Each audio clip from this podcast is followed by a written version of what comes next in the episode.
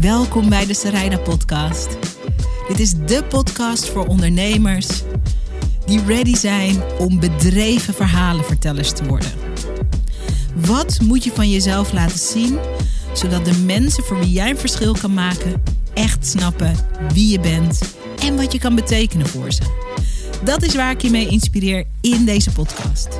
Simpele tips, tools, inspiratie en ik zet je aan het werk. Leuk dat je er bent. Ik ben in Mexico. Ehm, ik zit aan een ontbijttafel. Eerste dag van een mastermind. Ik ben naar die mastermind toegekomen omdat ik voel, dit gaat alles voor me veranderen. Maar voor de rest heb ik eigenlijk geen idee wat we precies gaan doen. En die allereerste dag zit ik tegenover Janneke en Rines. En de ontmoeting van uh, deze twee powerondernemers, en ze zijn ook een liefdeskoppel, laat mij zien dat er veel meer mogelijk is op het gebied van de liefde en op het gebied van het ondernemerschap. Dan dat ik in al die jaren dat ik bezig ben met liefde, dat zijn heel wat jaren, en al die jaren dat ik bezig ben met ondernemerschap, me ooit had kunnen voorstellen. En soms weet ik bijna vanaf het begin dat mensen bij mij in de podcast moeten zijn. En Janneke, en Rinus, bij jullie wist ik zeg maar één seconde. Ik wilde jullie niet meteen soort bombarderen, want dat komt ook psycho over. Eén seconde nadat wij een eerste gesprek hadden gehad, wist ik, jullie moeten hier ooit aanschuiven. Er zijn kijkers en luisteraars die denken, maar waarom dan? Waarom dan? Dus daar gaan we het over hebben. Even een lijstje van de landen en plekken waar jullie de afgelopen tijd uh, samen als um, nomadisch ondernemend liefdesstijl uh, langs hebben gereisd. Mexico, Curaçao, Ibiza, Portugal, Bonaire, Aruba, Spanje. Hebben jullie allemaal gereisd? Hebben jullie allemaal gewoond? Terwijl wij de rest van, de rest van Nederland in de coronatijd naar Centerparks gingen. Ja. Zaten jullie, uh, reisden jullie de wereld over? Dat doen jullie nog steeds. Dat is jullie levensstijl. Jullie hebben geen huis. Jullie leven, jullie gaan van Airbnb naar Airbnb. Allebei een online business. Allebei een succesvolle online business. En jullie zijn het soort leven dat als we dat op Instagram zien, dat we gewoon dat we denken: welke fucking filter is dit? Hoe kan dit? Hoe kan het zo mooi zijn? Hoe kan het zo goed zijn? En wat ik tof vind, en daarom zijn jullie er ook vandaag, is dat um, je kan je verslikken in die buitenkant en denken: nou, dit zijn twee mensen en uh, die hebben het helemaal voor elkaar. Die reizen de wereld over. Die zijn compleet vrij in hun ondernemerschap. Die verdienen veel geld. Die zijn dol op elkaar. Nou, wat een geluk hebben die mensen. Dat zou je kunnen denken.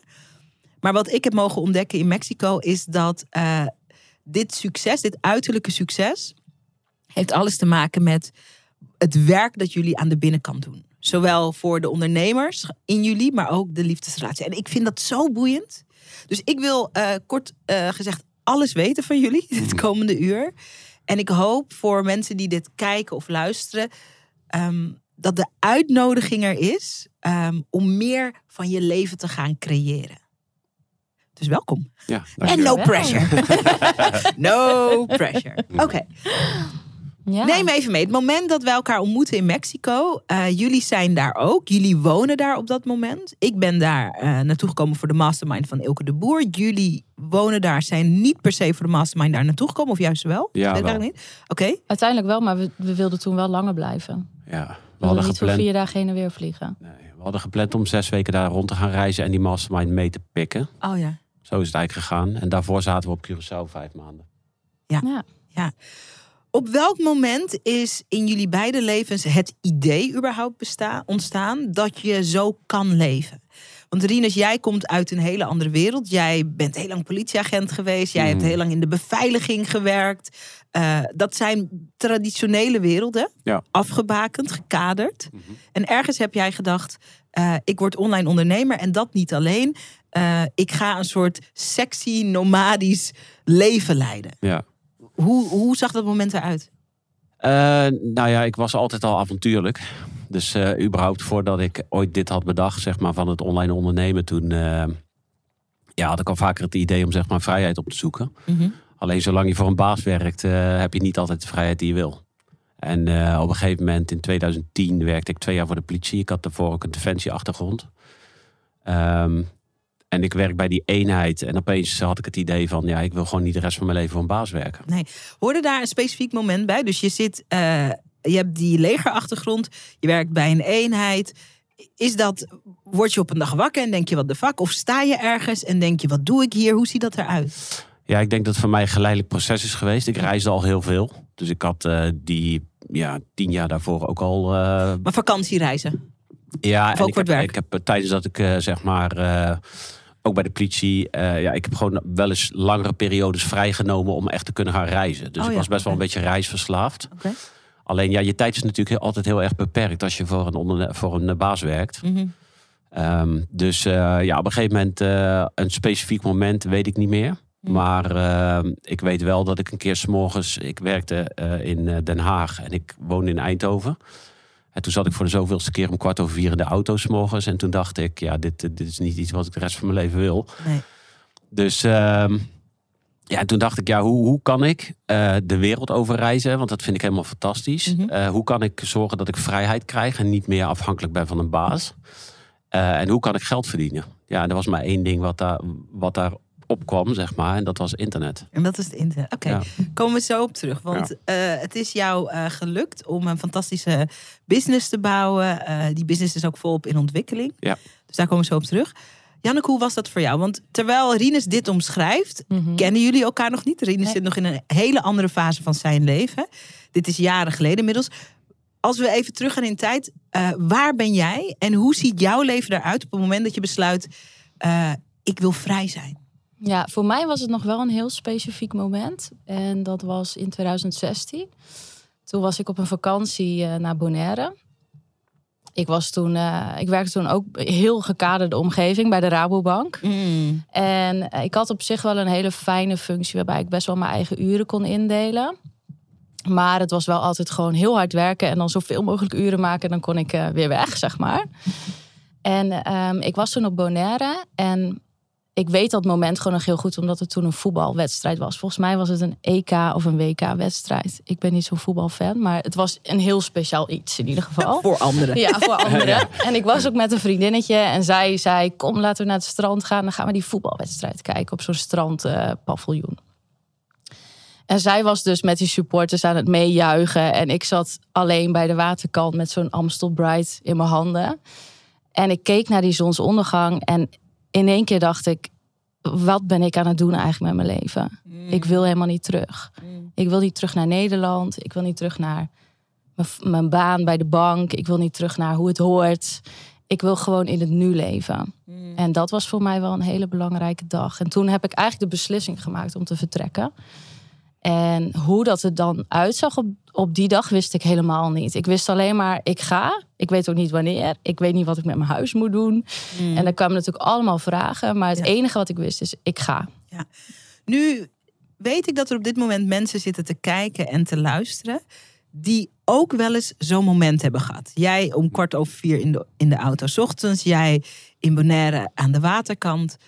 Ehm, hoe het nu zit, zo klopt het niet. Hm. De meeste mensen, helaas, ehm, ervaren dat moment. En gaan er vervolgens overheen met wat we dan noemen logica. Ja, maar ik heb een huis. Of ja, maar eh, het is een vaste baan en een vast contract. Eh, ja, maar als ik nog een paar jaar langer in dienst, dan krijg ik, eh, dan bouw ik dit en dit op. Ja. Wat denk je, en misschien is het wel leuk, jullie eh, zijn een liefdestel, jullie kennen elkaar goed. Misschien is het leuk om het van elkaar te weten. Wat denk je dat het aan Janneke was, Rinus, dat die beslissing die ze maakte, dat dat ook echt een beslissing was die vorm kreeg? Want de meeste mensen voelen het. En de meeste mensen doen er geen reet mee. Met, Nee. dat, met zo'n moment. Dus ik ga het ook aan jou vragen, Janneke. Over Rinus. Wat denk je? Jullie kenden elkaar toen nog niet. Nee. Grappig hè? Dus Ja, op, ieder op zijn eigen Ja, ja, zeker. timeline. Eenzelfde soort, eh, eenzelfde soort moment. Wat maakte dat zij dat door heeft gezet? Ja, ik, ik denk dat haar verhaal daarin, en de situatie was helemaal anders, maar ik denk dat haar verhaal daarin ook op die van mij lijkt. Mm. Eh, want mijn beslissing om vrijheid op te zoeken, die ligt nog veel verder daarvoor, zeg maar. Dat is niet in 2010 gebeurd, maar dat is al eerder gebeurd. Maar dat je op een gegeven moment inderdaad zo'n epiphany moment hebt van, is dit het nou? Ik was, ik was 24, ik had een huis, eh, vriendin, twee honden, een koophuis. Ik had alles eigenlijk, het perfecte plaatje. En eh, dat was ook hoe mijn omgeving me altijd groot heeft gebracht. Hè. Je gaat naar school, je gaat leren, goede, goede diploma halen. Eh, en dan koop je een huis, het hele dingetje. en dan dit ben is je, de route. Ja, dan ben je er. Ja, dat voelde voor mij gewoon totaal niet lekker. En ik denk dat dat voor Janneke op een gegeven moment ook daar op dat strand... dat, dat je gewoon bij jezelf denkt van... eh, ja, dit, dit is het gewoon niet. Nee. Dit is het echt niet. Nee. En is het dan, is het lef of is het naïviteit of is het koppigheid of is het wat, wat welke karaktereigenschap maakt dat zij dat heeft doorgepakt? Als je dat zo, Eh. jullie kennen elkaar goed? Ja. Ehm, nou ja, ik denk dat het vooral is. eh, eh, het is een enorme doorzetter. Dus, ehm, en het is ook diep van binnen een avonturier, denk ik. Eh, ik denk dat zij heel erg vast zat in een bepaald plaatje en eigenlijk daaruit wilde ontsnappen, maar nooit echt, misschien tot dat moment, ehm, ja, had ontdekt van, oké, hoe erg is het eigenlijk? Want op een gegeven moment, je moet gewoon voelen van, Ja. je moet gaan voelen van, ja, dit is het gewoon niet. Moet voelen van I'm slowly dying. Ja, Ja. ja. dat is het, ja. Ja, ja. En ehm, ja, ik, eh, ik, kijk, ik ken, ik ken haar natuurlijk niet vanaf dat moment. Maar ja, hoe ik haar nu ken, ja, dat is gewoon eh, een Janneke die enorm vrijheid, vrij is. En ik denk dat onze kernwaarde voor ons allebei, onze grootste kernwaarde is allebei vrijheid. Mm. Ja, en ik denk eh, dat dat gewoon eh, iets waar wij heel erg eh, naar leven, ook in onze relatie, zeg maar. ja, gaan we het zo over hebben. Ja, en eh, eh, in ons werk, eh, ja, gewoon Ja. In, in ons leven. Dat is de driving force van jullie leven. Ja. Janneke, jij kende Rinus toen ook nog niet. Hij zat eh, vast in een stroeve wereld, Mhm. zou je wel kunnen zeggen. Ehm, wat, wat in hem maakte dat hij daar überhaupt soort uit kon breken? Ehm, ja, zijn enorme drang naar vrijheid. Ik ken, ik ken niemand die zo enorm verlangt naar vrijheid. Eh, dus dat stroomt in al zijn aderen. Dus ja, je merkt gewoon bij Rinus... hij kan heel lang doorgaan op... Ja, wat is dat? Wilskracht. Van eh, ik ga dit gewoon doen. En dan komt er een moment dat hij toch intuit op dat gevoel... wat hij bij mij benoemde dat hij dan eerlijk naar zichzelf is en denkt: ja, fuck, dit, dit is eigenlijk helemaal niet wat ik wil. En, maar het is wel grappig, want ik moet ook een beetje lachen, want ik herken het ook. Ik vind het leuk dat je het zo eh, aan ons vraagt. Ik herken het ook in, in gewoon in het, in het nu, hoe wij zijn. Ik ben meestal degene die als eerste error krijgt. En nee, dit voelt niet goed. En het moet anders. Dat. En dan nee, ik moet eerst Ik heb even geen- intunen. Ik en heb dan nog geen idee wat er aan de hand is, weet je wel. Denk ik, hè, eh, wat? Eh, dus ik begin al een week van tevoren in de error te komen. En dan, en dan begin ik daarover te praten. En dan is hij nog heel erg in zijn hoofd. Van ja, maar het moet even gebeuren. Even doorzetten. Kom op, weet je dat? Ja, ja, ja. En dan op een gegeven moment krijgt hij dat van... Oh ja, shit. Ja, En waar gaan die errors over? Want ik kan me voorstellen dat er ook mensen zijn die denken... jullie hebben zo een vrij en ook luxe leven. Waar, waar heb je dan nu nog errors over? Ik denk dat veel Van mensen daar... alles. Ja, ik denk dat veel mensen daar misvattingen over hebben. Ja, ja, Dus geef eens een voorbeeld van iets waar je recentelijk een error over krijgt. Of kreeg. En wat dan de aanleiding is, want zo hoor ik het. Om te onderzoeken van, zijn we nog... eh, are we still in freedom? Ja, Dat is hoe ik het hoor als jullie dat zo vertellen. ja. Ik heb twee voorbeelden. Eén, wij zijn natuurlijk ook allebei ondernemer. Dus wij, ja, wij kletsen ook heel veel over onze bedrijven. En wij hebben heel vaak zoiets bij bijvoorbeeld in ons bedrijf. Dat er iets niet lekker loopt. Of dat we in één keer die gevangenschap voelen van in ons bedrijf. Van dingen Zoals die dat gaat, moeten, hè? Ja. weet Ja. je wel, afspraken. En helemaal je agenda vol gepland hebben. En Oh, dat we ja. dan eigenlijk denken van... Wacht even. Wacht even hoor, wat, wat willen wij eigenlijk? ja. En, ehm, en nogmaals, daar zie ik ook vaak dat Rinus kan echt wel doorzetten en doorknallen. Waar ik dan al lang die error heb van ik trek het niet, dat. En dan op een gegeven moment, dan, dan erken jij dat ook. En eh, dus dat is business-wise. Maar wij hebben bijvoorbeeld ook, hadden we het net voor de opname van de podcast, hadden we het er even over. Wij gaan over twee weken naar Bali toe. Ja. Eh, wij zitten nu in de Bali-error. ja. As we speak zitten we in de Dus- Bali error. ja. Twijfel, twijfel over of dat de volgende bestemming is. Nou ja, kijk, wij, heel realistisch. Wij, wij, wij hebben van de week een gesprek en dan, ze- dan zeggen we van ja, oké, eh, willen we nog wel naar Bali? Mhm. En dat is iets wat nu eh, de laatste maand, denk ik, speelt. En we hebben dat een soort eh, impulsief eh, geboekt een paar maanden geleden van... oh, de wereld gaat weer open of is weer open. Ja, weet je wel, ja, ja. Oh, Bali is een supermooie plek. Ik heb daar drie maanden ben ik daar, eh, heb ik daar rondgereisd.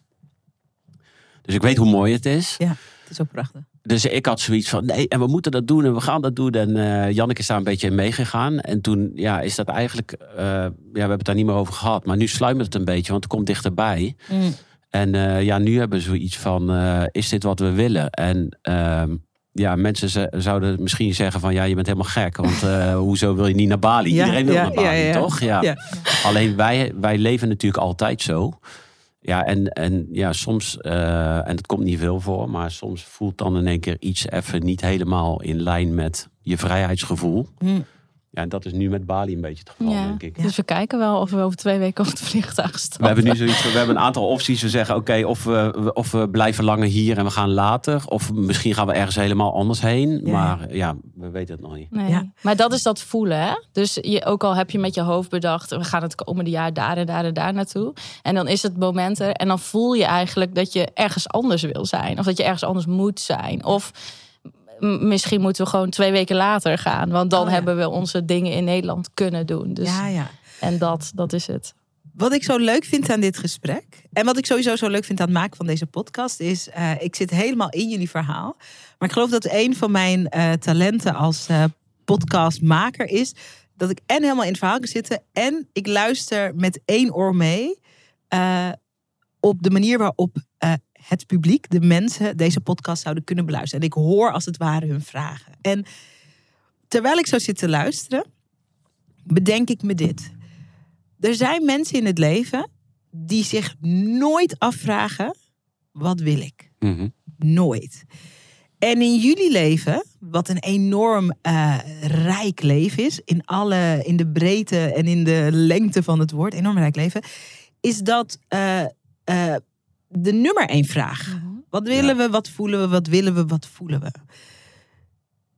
Is dat iets wat voor jullie altijd heel vanzelfsprekend geweest is om dat centraal te stellen? Of moet je daarmee geboren zijn? Of is dat iets wat met bloed, zweet en tranen eh, gemaakt en bewerkt en gecreëerd is? Want ik kan me voorstellen dat je dit luistert en dat, en dat mensen denken: "Mm, wat een luxe.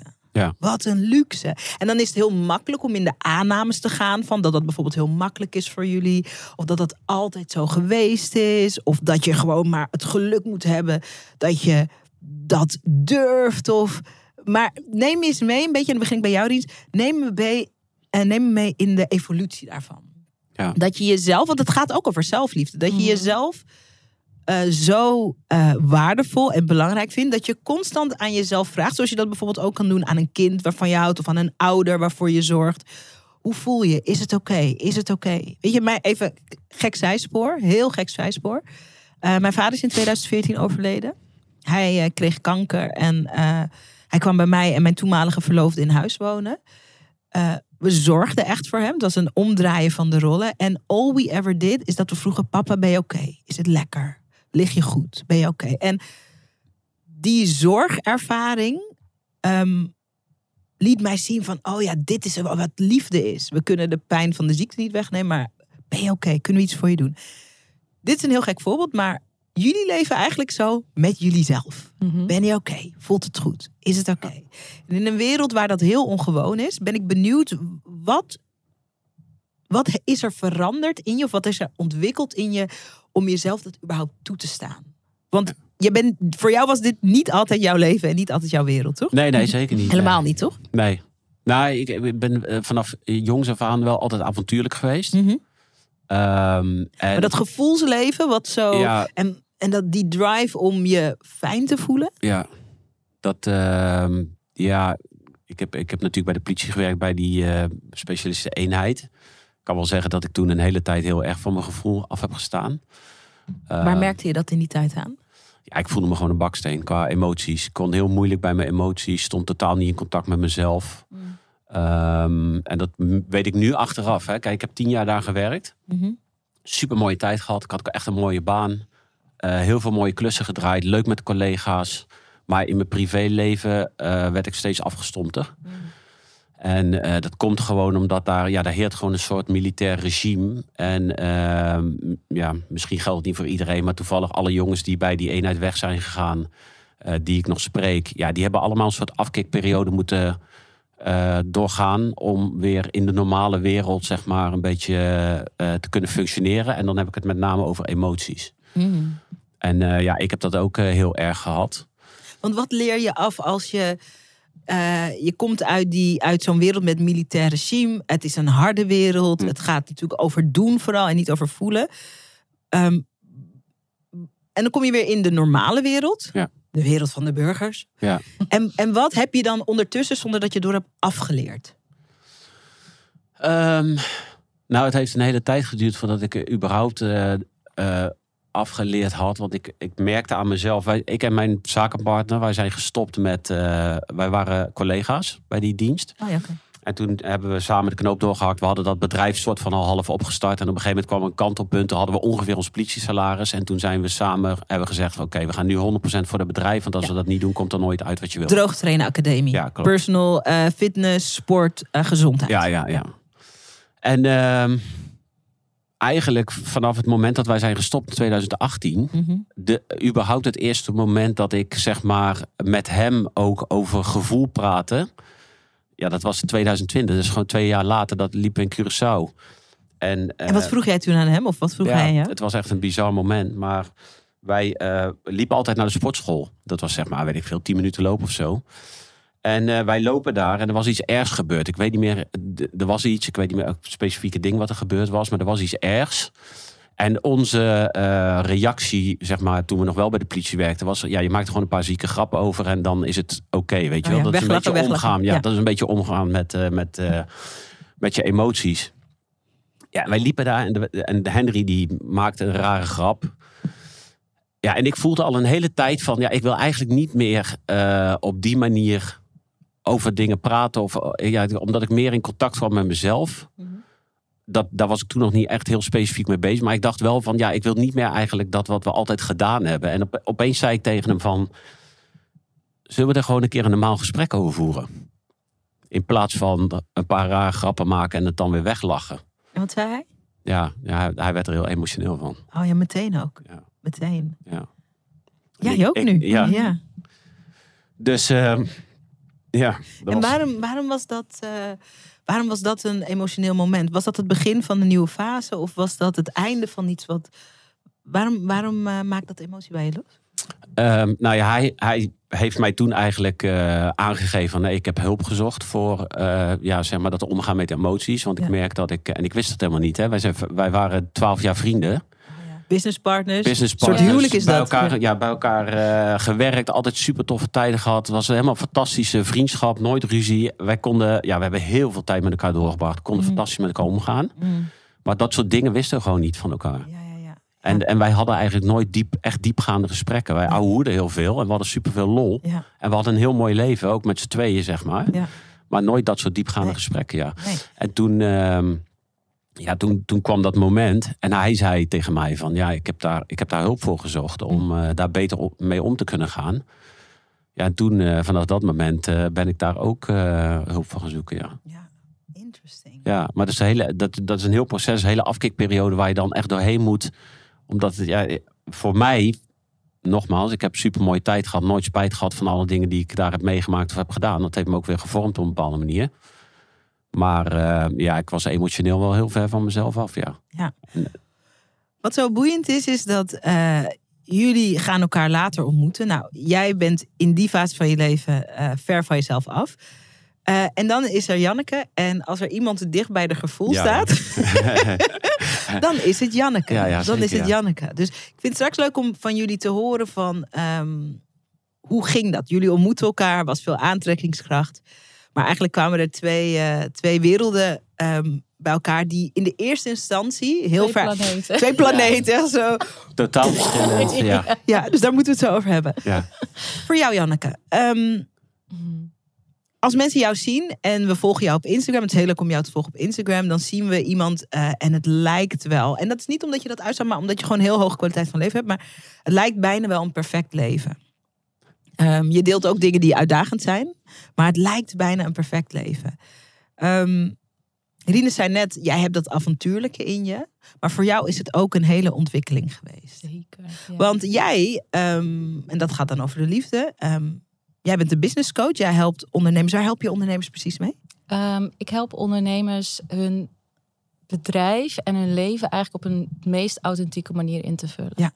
En ik geloof heel erg in dat je ehm, een, mag niet vloeken, maar een mm, succesvol bedrijf kan hebben. en Fucking goed geld succesvol kan bedrijf. verdienen. Ja. Eh, en tegelijkertijd met dat bedrijf ook heel veel zingeving kan eh, ervaren. Dat heb ik zelf ook.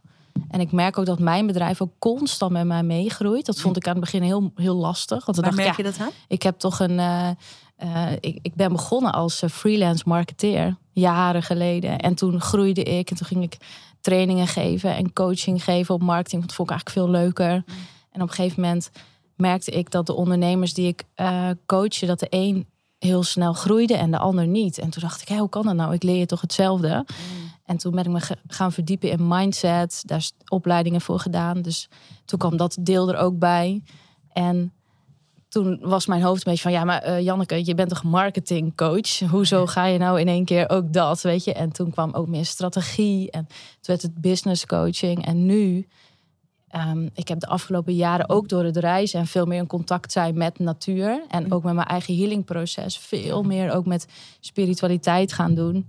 Dus ik merk ook dat mijn coaching... dat mijn coaches ook enorm worden ondergedompeld in spiritualiteit. Dus ik merk dat mijn bedrijf groeit constant Dus met mij mee. beweging. Ja. En dat vind ik heel tof. En als ik zelfs als ik merk van, hmm, ik merk nu dat ik een beetje vastzit in mijn, in mijn bedrijf of in mijn aanbod.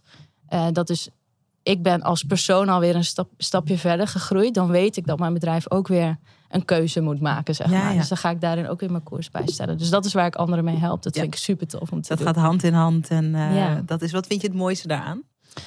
Om mensen ermee te Ehm, helpen? Nou, vooral de combinatie. Dat je en op een vet leuke manier kan ondernemen. Op jouw manier. En, en ja, ja, op jouw voorwaarden, jouw aanbod, wat je ook maar doet. Mhm.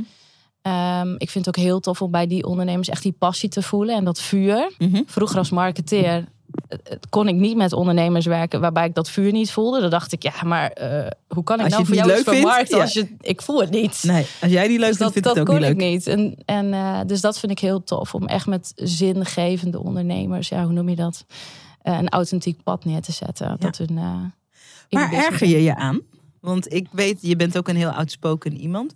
Ehm, waar erger je je aan? Er zijn veel business coaches in Nederland. Mhm. Er zijn ook nog veel meer mensen die gekozen moeten worden. Dus fijn. Maar waar erger je je aan? In, eh, in het ondernemerslandschap of in het coachlandschap? Waarvan denk je, dit is een fucking gemiste kans, lieve vrienden? Ehm, ja, ik denk dat dat wel op dat authentieke pad zit. En laat ik het zeggen vanuit eh, de rol, niet als eh, coach, maar de, ik, ben zelf, ik heb zelf ook coaches. Mhm. En wat ik, wat ik heel lastig vond, is dat ik aan het begin altijd het gevoel had van, oh ja, die is daar succesvol, dus ik moet datzelfde pad gaan Oh, bewandelen. ja, ja, ja. En dan ga je die skills leren. En dan kwam ik erachter van, ja, maar vind ik dit eigenlijk wel leuk? ja Wil ik dit wel doen? Weet je, er kwam weer dat moment van, ja, voel ik dit eigenlijk wel? Of, hè, en, dan, Mm. en dan was mijn ego die me altijd aan het vertellen was, ja, nee, dit is de manier, want die is al succesvol. Dus dat. En ik had eh, heel lang eigenlijk nooit coaches of mensen die me inspireerden, die zeiden van, ja, maar wat wil jij dan? Ja. Ga je eerst maar eens naar binnen keren, weet je? En dan, dan komt er een soort van ja, een, een knop. En dan kan je eh, de stappen zetten. Maar ik heb bijvoorbeeld ook verschillende coaches die mij op verschillende vakken, vakgebieden helpen. Ja, heb ik ook. Is fijn. Dus Belangrijk dat vind ik ook. heel tof. Ja. Dus ik zou als coach ook nooit zeggen, je moet zus of zo doen. Ik ga altijd heel irritant soms. Alleen maar vragen stellen. Maar wat voel jij? Ja, wat wil en jij? hoe voelt dit scenario? En dat Ja, scenario. ja, ja. En Maar dan zo- ja. komt er een authentiek pad uit. Ja. Ja, mooi. Ja. Dus dat. Oké, let's talk love. Hmm. Mm. Ik geloof, en ik moet altijd voorzichtig zijn, want ik kan in mijn enthousiasme en dan nog schijnt, dat heb ik laatst gehoord, dat het dan heel bombastisch is voor de ontvangers. Nou, alvast sorry. ik geloof dat eh, ik jullie liefdesverhaal, dat dat misschien in mijn top drie van favoriete liefdesverhalen ever staat. Oh. Ik was eh, in Mexico, ik ontmoette jullie daar. Ik zag jullie, ik dacht, oh my god, deze twee ongelooflijk mooie, verliefde mensen. Wat leuk. Dit is wat mijn hoofd deed. Mijn hoofd, want zo zijn we als mensen geconditioneerd. Dus over conditionering praten we ook hè, tijdens Mhm. dit gesprek. Mijn hoofd maakte er, zonder dat ik enige informatie over jullie had, ehm, instantly een soort verhaal van. Nou, jullie zijn heel warm tegen elkaar, heel liefdevol. Jullie praten op een mooie manier. Ik zat jullie ook lekker. Ik heb ook geluisterd naar Ilko en de Mastermind, maar ik heb jullie ook lekker geobserveerd, want ja, ik hou daarvan. Ehm, liefdevol en eh, warm en lachen samen en echt partnership. En eh, ook niet bang om gewoon open en eerlijk te zijn. Ik, ik smul daarvan en mijn, en mijn hoofd zei, nou, ehm, nou eh, wat een geluk. En dan, eh, eh, ja, je moet maar het geluk hebben dat je zo tegen zo'n partner aanloopt. En zo, Mhm. zodat riedeltje, wat ook ego is, van dat, dat dat soort kant-en-klaar op je pad verschijnt. Mhm. En misschien is dat ook wel zo, weet ik niet. Maar dat kant-en-klaar, een soort liefde die soort, als een soort twee, twee dingen zo klik in elkaar. En dat was het. En later hoorde ik het verhaal. Mm. En nou, oh, het is toch een beetje anders gegaan. Het is toch een beetje anders gegaan. En ik dacht, het fijn om te horen. Soms is de aanname dat eh, als je de juiste ontmoet, dat alles een soort in een soort rustig vaarwater. En het was gewoon zo makkelijk. En het klikte gewoon. En ja, en we begrepen elkaar gewoon. En Ja. ja, en het was ja, het ging, het ging zo makkelijk. En toen ineens was het twee jaar later. Dat was bij jullie niet zo. Nee. Nee. nou, wij wisten wel vanaf moment één dat we elkaar zagen.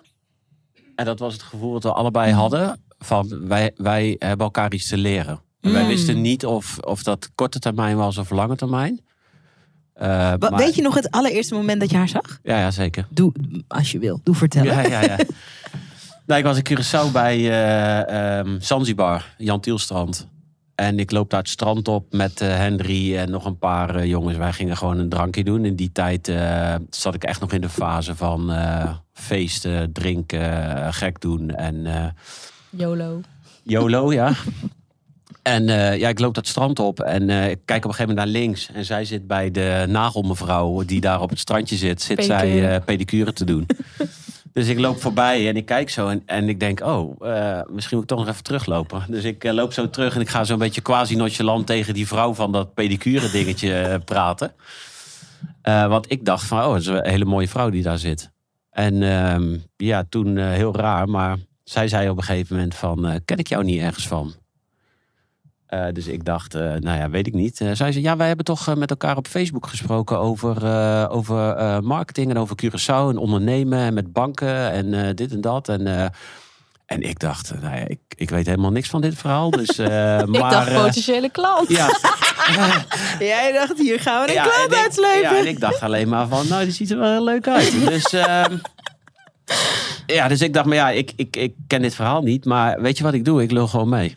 Oh, En, eh, it toen started heb ik with a gezegd- lie. Ja, ja, toen heb ik gezegd van, eh, ja, nee, ja, klopt, ja, ja, ja. Want ik wist wel ergens in mijn achterhoofd van, oké, Henry had met iemand contact gehad. Was dus Henry. Oh, dat was, Henry. oh, dat was je zakenpartner. Ja, die had dus contact met haar gehad. En, eh, Het dat ging gewoon over business dingen. Ja, over hoe doe je online betalingen met Ja. een Nederlands bedrijf. En Oh, ja. Wij wilden ons bedrijf naar Curaçao verhuizen, omdat dat belastingtechnisch zeg maar voordeliger is. Mm. En ehm, eh, ja, dat is heel moeilijk. Maar het ging over betalingen ontvangen. Nou, daar Ja. hadden hun dus gesprekken over gehad. En zij begon daar dus over. Maar zij dacht dus dat zij mij had gesproken. Ja. Ja, en ik dacht, ja, oké, ik lul wel even mee. Dan zie ik wel wat eruit komt. en dan eh, kijken we wel. Dus, eh, Wat hoopte je dat eruit kwam? eh, Als je echt eerlijk bent. Eerlijk ja, zeggen. ja, ik eh, had wel zin in een avontuurtje. Oké, zo begon het. Ja. Dit is wat ik dus, dit is dus waar ik van smul. Snap Ja. je? Als je alle datingboeken leest. Nee, dat En dan ja, nee, dit, ja, als die ene, ja, als de ene een avontuur wil en jij wil iets, ja, dan kan er nooit. Ja. eh, zo. Nee, nee, dat was eh, totaal. Ik denk in het begin eh, hele, totaal geen. Zij, zij, ik denk dat jij echt dacht van. eh, We hadden allebei andere intenties. Ja. Jij dacht dat. En ik dacht, eerlijk, Wacht even hoor, voordat je het vertelt. Even, oké, dus dit is een film. We hebben nu vanuit zijn perspectief we gaan meegekeken. naar de pauzes. Nee, we gaan nog niet naar de fases. Nee. Het eerste moment dat jij hem zag. Jij bent daar Ja. op het strand je voetjes aan het doen. Living la vida loca. Chillings. Hij loopt langs. Hij komt met zo'n lulverhaal terug. Ja. Zag jij hem al toen hij het strand op kwam lopen? Of zag je hem pas... Ja, eh, en het stomme, want ik herkende hun gezichten. Want de eerste keer dat ik hem zag, zag was een half jaar daarvoor op een foto. En ik was dus marketeer, dus ik deed allerlei advertentiedingen voor bedrijven op het eiland. En een van die bedrijven was een herenkledingzaak. En ik had tegen die eigenaresse gezegd van... maak nou eens foto's met, even nieuwe foto's. Met eh, mooie modellen, zwembroeken, lalala. Dus een week later komt ze naar me toe. Janneke, ik heb foto's met de mannen van Droogtrainen Academie. En ik dacht, oké, nou, stuur maar op. Ik weet niet wie dit zijn. Dus toen zag ik voor het eerst zijn gezicht. Eh, Ja, echt een modellenfoto op het strand. Natuurlijk eh, mooi eh, eh, gespierd. En het eerste dat ik dacht toen ik die foto zag, toen dacht ik, gadverdamme. ja. Mooi, hè? Echt waar? Die houden van zichzelf. Oh ja, je dacht arrogante gasten, dacht je. ik dacht, oh wat oppervlakkig. Dat is wat ik dacht. Little did you know. Nou ja, en toen een paar maanden later kreeg ik dus een appje van zijn zakenpartner. Dat ging gewoon over, nou, business hebben we net verteld. Maar hij had nooit een profielfoto op, eh, op, in dat gesprek. Dus ik wist niet wie van de twee ik had Ja, gesproken. Dus toen op die dag op dat strand zag ik hun beiden lopen. En Rinus die keek zo naar mij. Dus ik dacht, oh, hij herkent is- mij. Hij zal dat wel zijn. Zo is het gegaan. Hij was zo geïnteresseerd En in wie mijn jij was als intentie was gewoon zakelijk. Ik dacht, nou, eh, die jongens die eh, hebben ook een online business. Ik weet hoe je advertentiestrategieën kan doen. Dus eh, Kom maar op. ik wil jou wel als klant, dacht ik. Ja, en het grappige was, ik, ik loop daarna weg daar. Wat, hadden, hadden wij toen al nummers uitgewisseld? Ja, ja, nummers uitgewisseld. En ik loop daar weg. Dus ik zeg tegen Henry, hey, volgens mij zit Janneke daar die jou ooit gesproken hebt. Dus eh, hij zei, oh, dan loop ik er even heen. Ik dacht, oké, nou ja, dat is Die dus- valt door de man. Die cover is in ieder geval weg. Ze weet dadelijk dat ik het niet was. Ja. Maar eh, ja, Meteen ontmaskerd. Ja. Ja. Ja. Ja. Toen, dat was de ontmoeting. Oké, eerste date. Oh, dat is veel langer geleden. Want eigenlijk, ehm, ik kwam uit een hele periode met lastige relaties. Ehm, Wat is een lastige relatie? Als we zeggen, ehm, wat bedoelen we daar dan mee? toxische relaties. eh, enorm over mijn grens laten gaan. ehm, vreemd gaan. eh, alles erop en eraan. Eh, dus ik, ik, mijn hart was behoorlijk gebroken op dat moment. Dat Mm. was, echt, ik was echt aan het herstellen van... Oh ja. oh my god, gaat dit ooit nog goed komen? Want ik had inmiddels drie lange relaties gehad. En ehm, ja, ik, ik had dus echt zoiets van, nou, ik weet het niet. Maar eh, volgens mij eh, gaat dit niet meer goed komen. Oh ja. Bijna En- een soort van de liefde tijdelijk opgegeven. Ja, maar ik had het ook echt een beetje afgezworen. Ik dacht, weet je, ik ben helemaal klaar met die K-mannen en met hun ver- verhaaltjes en hun dit en dat. Dus ik weet nog dat een, een paar dagen voordat ik hem dus tegenkwam, had ik een healing sessie gehad. En dat was een hele mooie healing sessie. En daarin zei een van mijn gidsen tegen mij: Je mag deze, je moet echt even helemaal eh, schoon worden. Dus geen alcohol, geen eh, seks, geen mannen, geen even al die toxische dingen uit je leven. Dus daar was ik in balans. Toen kwam ik hem tegen. Dus hij liet natuurlijk wel vrij duidelijk weten van dat hij wel wilde flirten en dat. Dus eigenlijk bij, ja, het is heel grappig, maar ik kreeg alleen maar rode vlaggen. Ik dacht, dit gaat dus niet gebeuren. Ik heb dus nu gewoon twee keuzes. Ik ga linksom en ik heb een leuke nacht. En dan ben ik daarna weer verdrietig en voel ik me weer niet goed genoeg en allemaal dat eh, ge- gezeur. Of ik ga nu rechtsaf en dan zeg ik nee, dit, je gaat hier niet eens komen. Dit is mijn eh, space. En dat heb ik gedaan. Dus we hebben eigenlijk niet de eerste date gehad. We hebben daarna alleen maar gekletst. We hebben alleen maar gesprekken gevoerd. Ja, Ja. ja, ja. ja. Diepgaande Ja. Hoe gesprekken. was dat voor jou? Want jouw oorspronkelijke, jouw oorspronkelijke gevoel was, oeh, leuk avontuur. En Ja. toen, en, toen, en toen dus, had Janneke vanaf het begin gezegd van, hé hey vriend, eh, no? Of was dat meer een energetisch iets? Of, Ja, Wat- we hebben eerst even een paar keer geappt. Eh, en ehm, ja, zij dacht van oké, die appt wel meer gezellig, gezelliger dan eh, dat ik eh, in eerste instantie in gedachten had. oh, zij appte jou meer? Nee, nee, ik, Nee, wij- mij. wij- die, die, eh, zij wist op een gegeven moment van oké, Henry is Henry, die heb ik gesproken. En eh Ja. Rinus is eh, die andere, zeg maar, die ik eigenlijk nog helemaal niet konden. En toen eh, hebben we over en weer wat appjes gestuurd. Ja, en zij zei eigenlijk vrij direct tegen mij van... ehm, ja, ik, eh, ik zit in een fase waarin ik ja, dit soort dingen gewoon niet toelaat. Mm. En ehm, ik, ik heb daar geen zin meer in om eh kortstondig avontuurtjes te hebben. eh, zeg maar, en me ja, zeg maar, daarvoor open te stellen. Dus zij zei tegen mij van, wat eh, het mooie was ook nog, ik zei tegen haar van, ja, ik ben super gelukkig en dit en dat. En, maar op dat moment was ik eigenlijk helemaal niet gelukkig. Want ik Mm. zat met mezelf echt gewoon in een soort gevoelscrisis. Mm.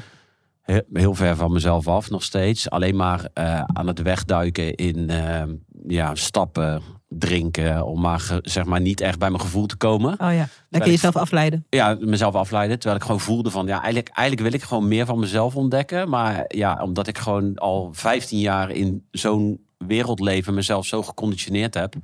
Ik heb geen idee hoe ik eraan moet beginnen. Nee. Dus eh, en toen heeft zij tegen mij gezegd: ja, we kunnen contact hebben, maar dan gaan we alleen maar met elkaar praten. Mm. En zij zei daarna ook tegen mij: van eh, ja, je kan wel tegen mij zeggen dat je gelukkig bent, maar ik zie aan jou dat je dat niet bent. Oh ja, gezellig. Ja, het was wel heftig. Ja, was nou, maar zij voelde het ook gelijk. Ja. Zij voelde Ja. het gelijk. Ja, En Maar- ik Ja. dacht: oh, deze, deze doorziet mij zo erg. Ja, ik wil hier gewoon meer van weten. Dat Oh, was ja. eigenlijk. eh, Ja, Ja. toen gingen we een ander pad op. Ja. Dat was echt al vrij snel al. En ik weet nog heel goed, want ik merkte aan het, aan het gedrag, en dat zal iedereen herkennen, hè, van oh, hij hebt wel vaak. Hè? En elke keer eh, als ik dan iets teruggeantwoord heb, dan is het direct weer een vraag. Dus weet je, dan weet je Ja. meestal, deze man is wel, die, Ja. die, wil, die wil iets. ja. Die werkt ergens voor. ja. En, eh, Die is zijn en, best aan het doen. en toen was eigenlijk bij mij al heel snel, oké, even time-out, Janneke. Je merkt dit op. Wat wil ik hier eigenlijk mee? Mm. Wat wil ik? Wat, Mm. wat is mijn verlangen? En wat zijn mijn grenzen hierin? En, eh, want daarvoor had ik altijd me gewoon, ja... Liet je meevoeren. gevoeld. Ja. En dan ging ik daarin mee. En dan Ja, was ik daarna ja, ik weer verdriet. ja, ik denk dat voor veel... Eh, dus ik heb daar ook echt de tijd voor genomen. Ik denk wel een heel weekend lang. Dat ik echt eh, tijdens het wandelen ook echt voelde van... Wat is dit? Wat is dit? Maar het was ook heel gek. Want ik voelde wel al direct... Ja, dit is niet zomaar iemand die je even tijdens het stappen... Weet je wel, die je dan even afwijst. En nou doei, happy life. mhm. Maar ik wist dat, dat wij eh, echt om een reden op elkaars pad waren gekomen. En dat het echt een soort van challenge was. Van kies maar. Oké, ik wil hier even induiken. Mhm. Want kijk, ik zit enorm gefascineerd te luisteren. Ehm, en wij spreken, wij kennen elkaar natuurlijk ook buiten deze podcast om. Wij spreken allemaal een beetje dezelfde taal. Mhm. En de neiging is om daar helemaal mee te gaan. Maar ik ben ook aan het luisteren Mhm. met het oor van iemand die dit gesprek voor het eerst hoort. Ehm, hoe weet je dat? Hoe weet je dat iemand die op het strand eh, eh, even komt praten tijdens de pedicure, eh, dat dat niet zomaar iemand is? In een wereld waar we elke dag mensen tegenkomen. ik praat met iemand bij de Albert Heijn. ik groet de buurman die zijn hond uitlaat. We komen heel veel mensen tegen. How would you know? Hoe wist je dat dan? Ja, het was een, een innerlijk weten. Ja, ik kan het niet anders verwoorden. Nee. Dus het is iets in je buik. En ik denk, en, want dat kan je ook in andere situaties krijgen, maar heel vaak negeren we dat. En dan willen we met ons hoofd dingen oplossen. Wat maakte toen je dat voelde? Want de, de, de romcom versie is... Nou, ik had gezegd dat ik eh, even niks ging doen. Ik voel dit is iets. Nou, dat plan van niets doen overboord. Toch? Dat is de, dat is de romantische comedy versie. Ja. Ik ging met een mannen sabbatical, maar toen kwam ik de ware tegen. En toen dook ik erin. En toen was eh, alles nog eh, geluk. eh, toen leefden we nog lang en gelukkig. Dus je voelde het en je behield je grens. Why? Ja, omdat ik, ehm, ja, het voelde echt. En dat was tijdens die wandeling. Dus ik, ik wist al wel van, oké, ik moet hier even heel goed in rust, ruis uit, rustig voelen. Dus wandelen. En ja, er was een soort innerlijk weten die zei, oké, je hebt nu gewoon linksom of rechtsom. Linksom is het pad wat je altijd bewandelt. Mm. Of rechtsom. En dat is je grenzen aangeven. En er was gewoon een innerlijk weten van een soort vertrouwen ook. Van je mag dit doen. Je hoeft ook niet bang te zijn dat hij je dan stom vindt of whatever. Wij hadden Nee. ook verder helemaal geen band. Dus Nee, het was nee. ook wel makkelijk. Mhm. Maar ergens voelde het van, dit is wat hij ook nodig heeft. Ik heb dat volgens mij ook letterlijk tegen jou toen gezegd. Ik heb daarna een hele lange app gestuurd. Hij had al gestuurd van, nou, eh, je bent wel een beetje stil geworden. ik dacht, ja, je Toen moest dus het- weten. Het eerste boekwerk van een app. Ja, Ja, ja. zeker niet de laatste. Dus toen eh, uiteindelijk heb ik dat gestuurd. Van, ik voel me enorm gevleid. Maar eh, ik kies ervoor om daar niet op in te gaan. En ehm, nou, heel verhaal. En ook van...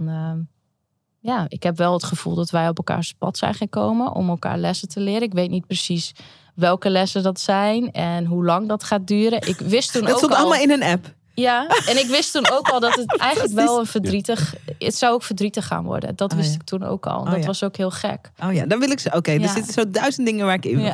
Oké, ik herken dit ook. Dit is heel grappig. Dat soms, maar goed, ik wil duizend dingen zeggen. Ik kom zo bij terug.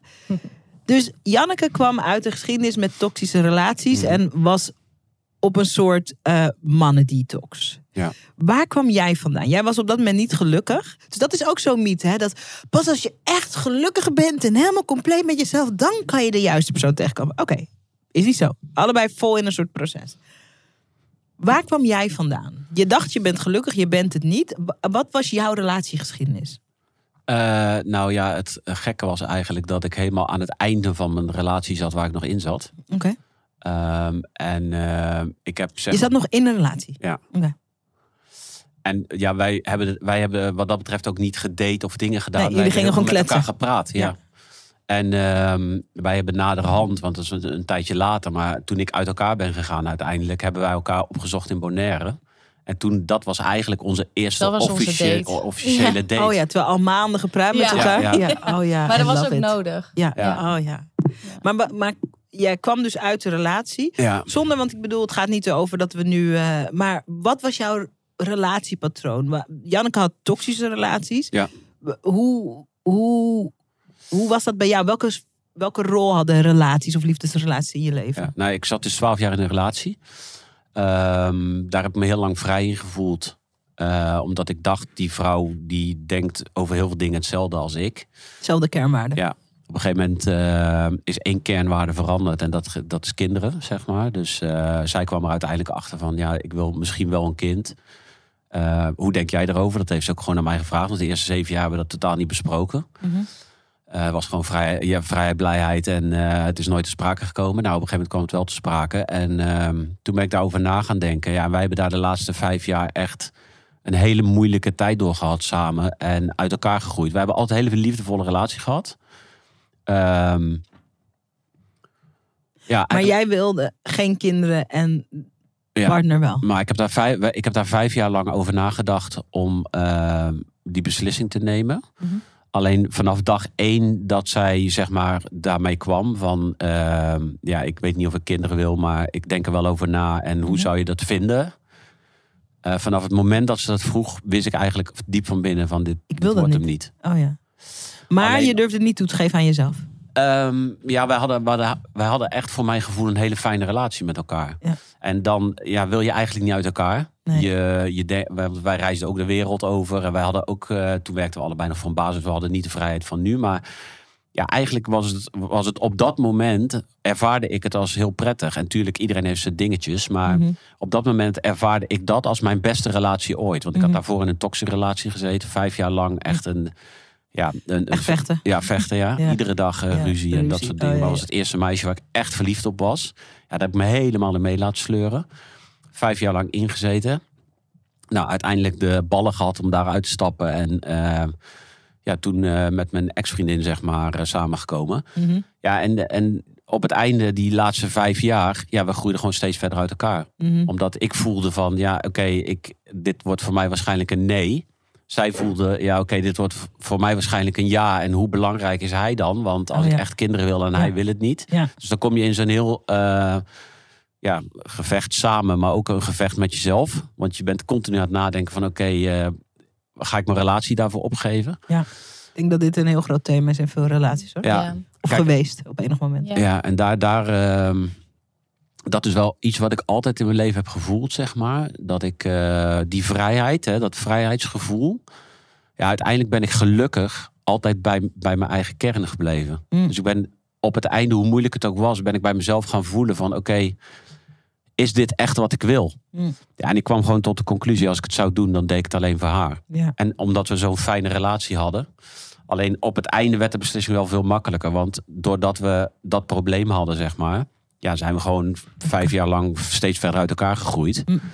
En helemaal op het einde ben ik dus haar tegengekomen. En toen ging je ineens kletsen met elkaar. Ja, en ik, ik eh, ook doordat. eh, bij mij was het dus een, een, een eh, samenkomst van dingen. Maar ik had natuurlijk die defensie- en politieperiode achter de rug. Waarbij ik, me, waarbij ik voelde van oké, ik wil beter in contact met me ko- komen met mezelf Mhm.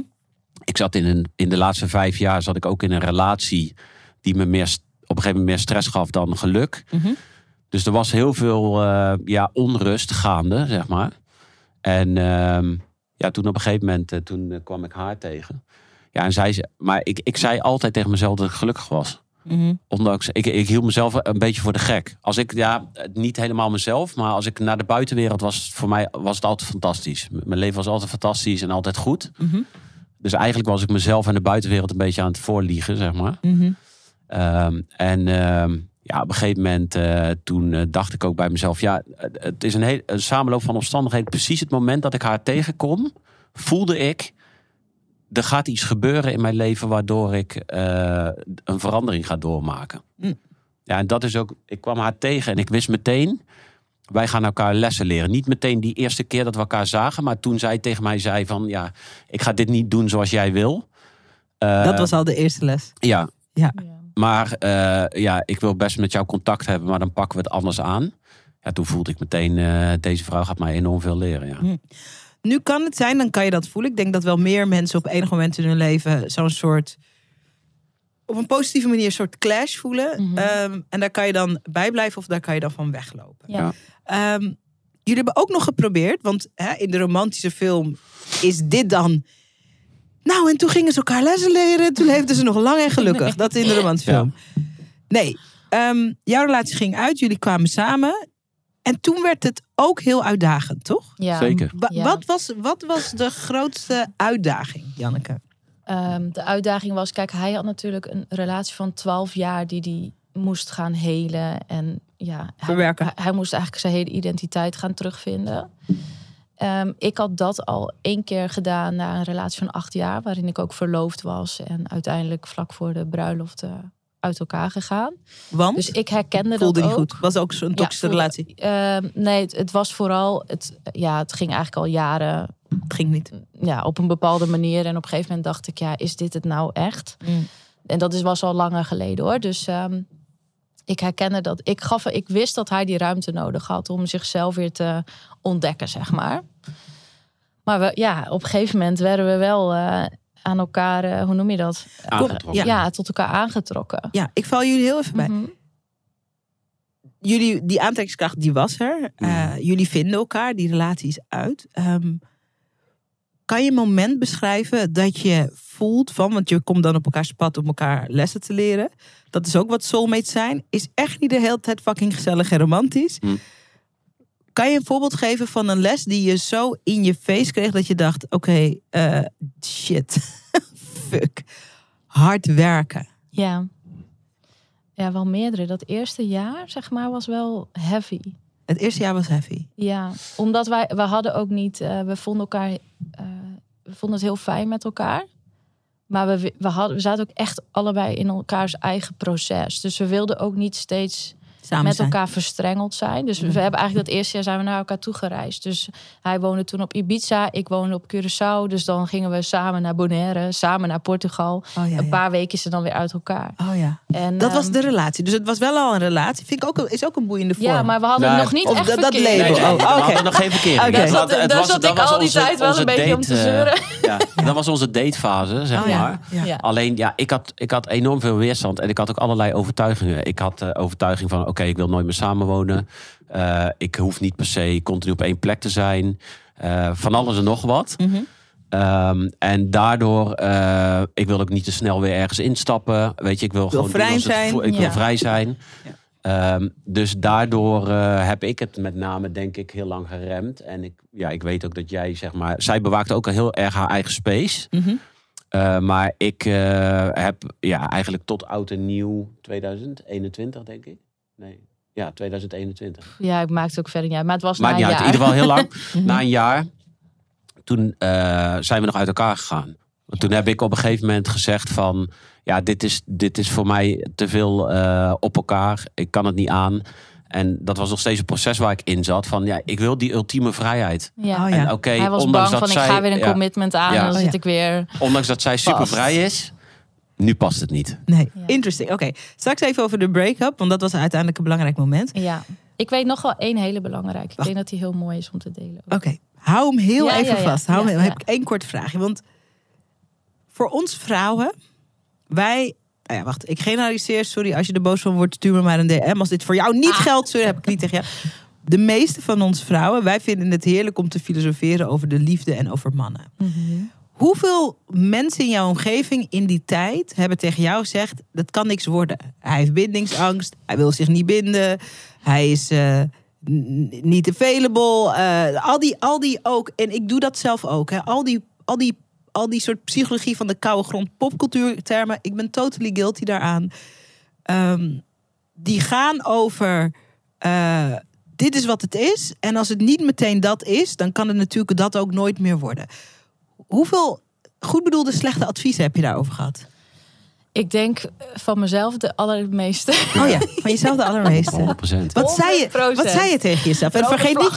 Ja, rode vlag. Vergeet niet het voorbeeld dat je straks nog wil dat. inbrengen. Ja, dus dat, eh, dat waren wel. eh, ja. En ook de hele tijd van nee, weet je, hij is nog lang niet klaar. Ja. Hij is nog lang niet klaar. Maar dat gaf mij ook weer de kracht om geduld te hebben. Want ergens voelde ik wel dat weten van ja, Maar, ja, maar leg dat dan het eens is aan. heel, Dus, het is heel gek ja, eigenlijk. dus hij, daarom is dit een leuk onderwerp. Ja. Je voelt, hij is nog niet klaar voor. We Ja. hebben in alle psychologieboeken en in alle tijdschriften gelezen van... eh, als een man je laat zien hoe die in elkaar steekt, geloof het dan. Probeer hem niet te veranderen. Dat, dat, dat is de gangbare tekst om Ja. dit soort dingen heen. Je kan een man met je liefde niet inspireren om hem te veranderen. Het Nee. is wat het is. Ieder zit in zijn eigen leespad. Het, het, het- ik het is grappig dat je dat zegt, want ik voelde juist, hij moet weer helemaal zichzelf worden. Ja, ja, ja. Oh, Dus ik had juist dat, het gevoel dat hij nog niet zichzelf was. En daardoor voelde ik, je bent nog niet klaar. Ik zie je nog niet echt. Oh ja. Oh, en, en, één, want dat is wel het bruggetje naar, dat, naar die les. Want dat was echt een heel specifiek onderwerp. En dat ging natuurlijk over kinderen. Want ik heb jarenlang de overtuiging gehad dat ik moeder zou worden. Dat ik een gezin zou krijgen. Staat zelfs in mijn journal. Ik wil over vijf jaar een gezin met kinderen. Dus toen wij elkaar dus leren kennen, had ik ook niet direct het gevoel, wij gaan eh, samen oud worden. Want hij, wil wilde geen geen kinderen. Nee. Ik had eigenlijk ook een hele andere man voorgesteld. Eh, dus ja, dat was gewoon een no-go. Waarom Ja. moest jij lachen als zij dat zegt? Nou ja, omdat het, eh, ik, ik weet gewoon van op dat moment, eh, ja, zij deed hele andere type mannen dan, dan ik, zeg maar. Dus ik, le- ik leek eigenlijk helemaal totaal niet op. eh, Nee, ik had een heel ander beeld. Dus Ja. ik, dat was ook een soort van veilig van, eh, oké, Ah, weet je, hij, Ah, ja. maar ja, dus. Oh ja. Anyway, Dat heb ik ook met een. eh, eh, ik ben een beetje verliefd op een, een beetje. Ik ben een beetje verliefd op een vriend van mij. En die is zo ver van mijn ideaal af. Dat Ja. is niet eens op dezelfde planeet van mijn Ja. ideaal. Nee. Daar kijk ik soms naar. We zijn vrienden. Daar kijk ik soms naar, denk. En dan zeg ik tegen mezelf: Ik kan me niet voorstellen, Schrijda, dat je verliefd bent op hem. Dat slaat helemaal nergens op. ja. Mooi je dat tegen Ja. jezelf zegt. Ja, ja, Ja, ja, ja, ja. ja. Nou. In mijn hoofd, Ja. niet hardop. Nee, nee, nee. Ja, ja, ja. Ja, het is echt bizar. Dus ik had dat ook. Ik heb daar ook zelfs hele sessies voor gedaan. Om, om dat beeld wat ik altijd had... eh, ja, weg te krijgen, zodat hij ook een kans Dat de kreeg. Ruimte mijn hoofd zei gewoon, ja, nee. dat kan gewoon niet. Hoe is dat Maar gegaan? Ja. Het stuk over die kinderen. Ja. Want dat is wel bijzonder. Wij waren toen op, eh, in Portugal, weet ik nog. Dat was eigenlijk onze tweede date. Want toen, we waren toen naar Bonaire geweest. Een paar weken later gingen we naar Portugal.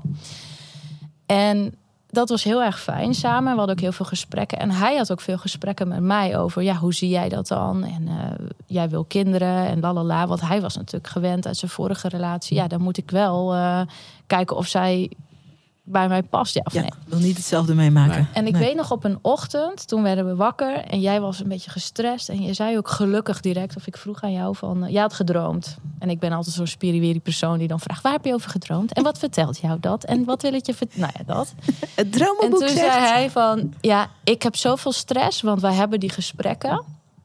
Maar ik word daar zo gestrest van, want ik, ik, ik word daar heel van. Ik, ik weet niet of ik dat wel wil. Ja, En toen zei ik- flashback. eh, Ja, want jij dacht ook, oh nee, gaan we weer? Weet je, vind ik iemand leuk, ga ik weer die hele reis aan met, met dat. Mm.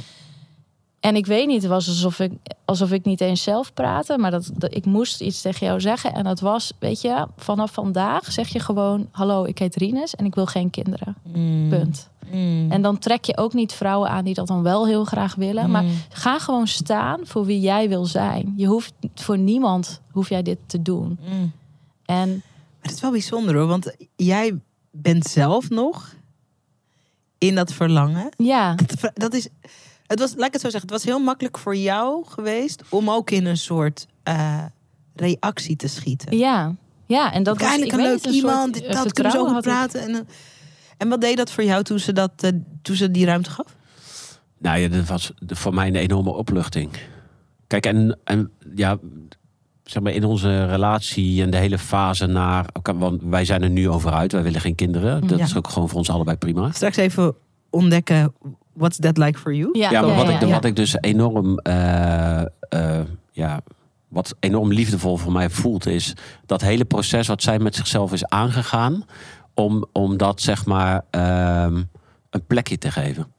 En daar ben ik haar heel dankbaar voor, want ik vind het echt, ja, anders hadden wij het gewoon niet samen kunnen zijn. Mm. Alleen zij had nog wel een enorm proces te gaan om, om eh, van, oké, ik het, het beeld van, oké, ik word ooit moeder naar oké, ik kom die gozer tegen en dat zij dan tegen mij zegt, weet je, zeg gewoon tegen jezelf dat je geen kinderen wil. Mm. En eh, dat ben jij. Oké, Rinus, je wil geen kinderen.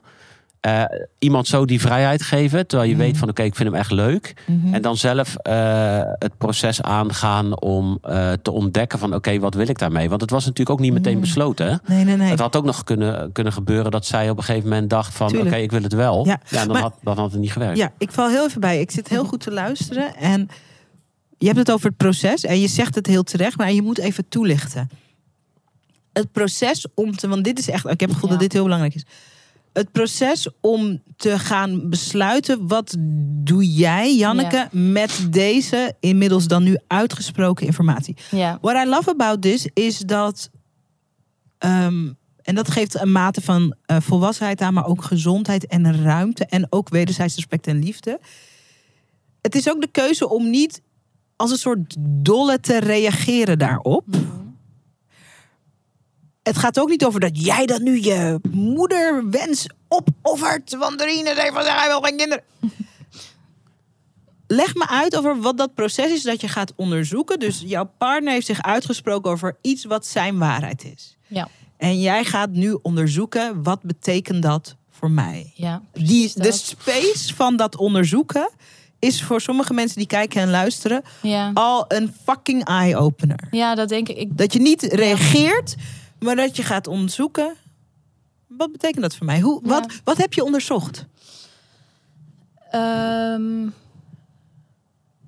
wat ik, ehm, dat, dat, dat stuk dus van Rinus, jij mag je keus maken. Want ik voel dus, dat is jouw authentieke pad. Ik, ik hoef daar geen invloed op te hebben. En bij hem kwam direct de vraag: ja, maar hoe gaat het dan met ons verder? Want dan moet jij daar ook goed over nadenken. Of jij dan wel met mij wil blijven.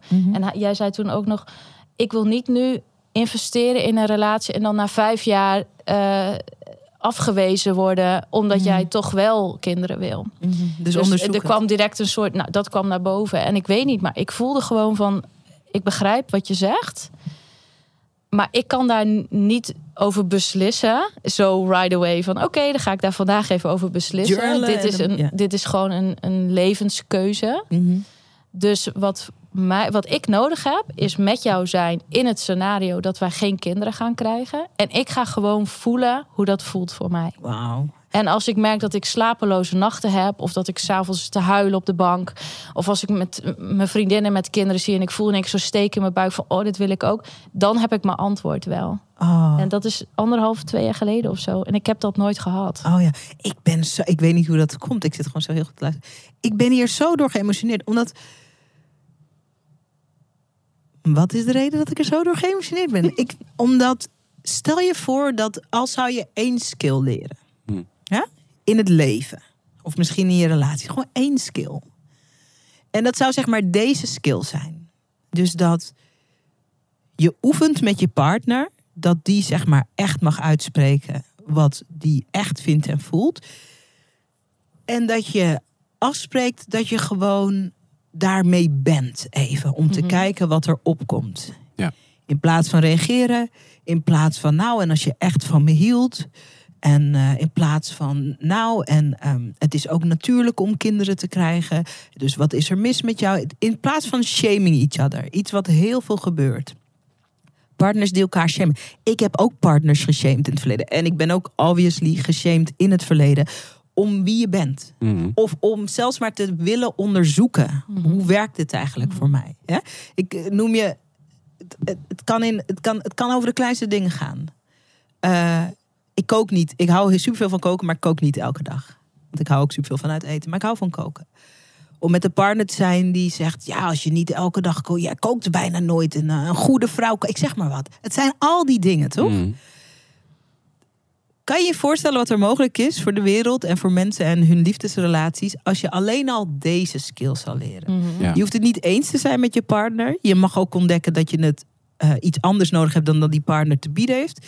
Maar dat je gewoon gaat onderzoeken vanuit nieuwsgierigheid van... hm, hoe is dit scenario voor mij? Hoe is het scenario van ik ben met een partner en die wil geen kinderen? Hoe is het scenario met ik ben met een vrouw die houdt van koken, maar die wil niet elke dag koken? Mhm. Ik, hoe is het scenario met eh, ehm, ik eh, ben met een man en hij heeft een goede baan, maar hij wil eigenlijk eh, zijn eigen bedrijf beginnen. Dus dat is dus nu een onzekere periode. Dus mijn man is tijdelijk onzeker over. Hoe is het om daarmee te zijn en kan ik daarmee leven? Als je alleen al die skill zou leren, als we dat op grote schaal zouden kunnen leren, dat zou toch echt. Ja, dat is heel Dus bevrijdend. Dan, dan leven we toch op een ander soort planeet meteen. Ja. Nou, eh, weet je, weet je wat ik. eh, en het gaat natuurlijk ook over. eh, daar hebben we het ook over gehad. Hè, over voelen bij jezelf van binnen. Hè. En ik heb dat heel lang, denk ik, onbewust gedaan. Dus ik voel al mijn hele leven. eh, bijvoorbeeld, ik ben eh, 24, ik heb alles voor elkaar, huisje, boompje, beestje. En in één keer bedenk ik mezelf: dit is mijn leven niet. Ik ga naar de commando's. Mhm. Ik lever eh, twee derde van mijn salaris in. Ik kap met mijn baan. Ja, ja. En ik ga in de bosjes eh, eh, twee jaar lang putjes graven, weet je wel. Iets heel anders. Maar gewoon dat, dat, dat, dat ehm, die interne drijfveer of zo, Mhm. die, ehm, die je dan voelt. Om, om bepaalde besluiten te nemen of zo. Mhm. Dat is gewoon innerlijk vertrouwen. of. Ja, innerlijk- Vertrouwen. Het is een innerlijk weten, zo Ja. beschrijf ik het Ja. meestal. Het is gewoon Maar het is ook weten. liefde. Het is ook liefde. Nou ja, zeker. En wat ik mooi vind aan, aan ons is zeg maar, wij, wij gunnen elkaar overal de ruimte in. Ook als dat zou betekenen dat jullie elkaar Ja. zouden verliezen. Ja. Ja. Ja. Want wij, wij, wij, heel eerlijk, kijk, wij hebben een super fijne relatie. En, eh, maar wij zeggen nog steeds niet van, ook, wij blijven de rest van ons leven bij elkaar. Mm. Nee. Dat klinkt misschien heel gek. Maar ja. Je weet het ook niet. Nee, je weet het niet. En eh, stel dat eh, een van ons twee straks op een ander pad komt, waardoor je niet meer bij elkaar zou blijven. Mhm. Ehm, ja, ik weet niet. Ik denk dat dat. Dat is ook liefde, vind ik. Ja. Ja, wij Ja, het, elkaar dat. Ja, het is net als een, een moeder en een kind. Dat kind wordt op een gegeven moment volwassen en die gaat zichzelf eh, ontdekken. En die gaat er eigen haar, zijn of haar eigen pad bewandelen. Ja. En dan mag je als moeder ook leren loslaten weer. Maar dat, die liefde zal altijd blijven. Ja. Dus Maar en- zelfs, maar zelfs in, in ouder-kindrelaties is dit best wel een heikel thema. Ja. Toch op Zeker. allerlei Ja. manieren. Verwachtingen. Het zou wel heel fijn zijn als... Oh, hou op. Ja, Dus, dus het is het, dat dit thema van dat liefde ook vrijheid is, dat is, dat is een heel Ja. groot thema. En alle romantische films gaan daar niet over hoor, Nee. lieve Nee. schatten. Nee, ik, nee. heb, ik heb nog een, eh, want dat is wel een, ook wel een leuk iets om te delen. Want ik had, ik denk een paar jaar voordat ik jou leerde kennen. Ehm, nee, dat was, nou, maakt niet uit wanneer het precies was. Maar ik weet nog, ik was rond de 32 jaar. Ik was toen op Curaçao en ik was toen single. En ik was helemaal met de verkeerde intenties aan het daten. Ik Wat was aan het daten. Ja? En eh, nou, eerst natuurlijk vind je iemand aantrekkelijk, leuk, la la la. En dan was het direct, gaat dit de vader van mijn kinderen worden? Oh, ja, ja, ja. Oh, ja. Zou die het zijn? Zou ik mijn leven lang bij deze persoon kunnen Oh, blijven? en als het dan Oh, bijna een soort van verkering werd, dan werd ik heel zenuwachtig. Dan dacht ik, oh my god, Is het de ga juiste ik nooit keuze? meer met iemand anders eh, in bed kunnen liggen. Dus ik was daar, Oh, dat interesting. Ja. dat. Ja. En ik weet nog heel goed dat ik toen gewoon in de badkamer voor de spiegel stond. En ik was gewoon daar helemaal gefrustreerd over. Ik dacht, "Goh, weer zo eentje dit, dat het dan net niet is. Ja, ja, ja. En ook toen weer, echt grappig, want ik denk dus dat is dus eigenlijk hetzelfde, maar ik had het helemaal niet door. Ben ik gewoon een experiment gaan doen met mezelf. Oké, wat nou als ik gewoon een heel ander scenario neerleg? Mm. En dat was een heel hard scenario hoor, heel hard. En ik ga het een klein beetje toelichten, want ik had toen ook vleesbomen in mijn baarmoeder zitten. Dus ehm, die zijn er inmiddels uit, maar die had ik toen. Die waren dus je had- groeiende. Dus Je ik had, dus je had een fysieke baarmoeder. aandoening, Ja. baarmoeder, oké. En dat zou niet, niet een heel groot probleem worden om kinderen te krijgen. Maar ik ging gewoon even voor het experiment in het scenario dat ik misschien daardoor helemaal geen kinderen kan krijgen. Nee, Want het kan wel daardoor ja, dat het kan wel. bemoeilijkt Maar wordt. ik hè? dacht gewoon, ik weet niet waarom, maar het was gewoon een gedachte van: oké, maar wat zou je doen met jouw date, met jouw date in de liefde, Met je dateleven, ja. als jij helemaal geen kinderen kon krijgen? Dus dat is gewoon van de baan. Ja. ja, ik schrok gewoon wat er toen gebeurde. Namelijk? Want de last viel van mijn schouders af. oh ja, interessant. Ik dacht echt, holy shit, wat zou ik dan kunnen genieten van de liefde? Ik snap dit zo Want ik dieply, wil hè? gewoon liefde ervaren met Ja, iemand. En ja. dat twee zielen samenkomen en een pad bewandelen. Maar ook misschien na een poos denken: oké, weet je, was het mooi. was fijn en we gaan weer verder. Maar het matchte niet in mijn hoofd. Want ik dacht: als je kinderen met diegene krijgt, dan. Ja. Dus ik kon het gewoon niet. Het lukte niet. En Nee. dat gaf mij zo'n vrij gevoel. Dat ik dacht: oh, dan kan je eindelijk liefde ervaren zoals ik het wil. Mm. Oh, wat een interessante informatie. Ik zou hier nog uren over door kunnen praten. Ik weet niet eens hoe lang we al zitten te praten. Ik durf ook niet. Quincy is ons, is ons eh, ehm, opnameleider hier in de studio. Ik durf niet naar hem te kijken. Nou ja. Ehm, Oké, suggestie. Liefdevolle, doch dringende suggestie. Ehm, ik hoop voor mezelf dat eh jullie zijn allebei ondernemers, jullie hebben allebei je eigen bedrijf. Ehm, jullie houden van vrijheid. Ehm, dus eh, dit is alleen maar suggestie, maar ik hoop dat er ooit een moment komt dat jullie iets aan gaan bieden. Bedrijfsmatig. Samen? Ja, over de liefde. Als dat Mhm. zo is, wil ik graag de allereerste klant zijn. dus eh, ik bied mezelf in mijn portemonnee aan. Ik weet niet wat het kost, maar ik, ik, eh, mij heb je Ja, we binnen. hebben net bij eh, Ilko in Mastermind gezeten. Ja, daarom. Dus goede prijzen worden gevraagd. Dat wordt niet goedkoop. Nee, het wordt niet goedkoop, maar goed, de liefde is veel waard. Gelukkig is het ook zo dat als je niet eh, gecoacht wordt door jullie op het gebied van de liefde, dat eh, met jullie gewerkt kan worden.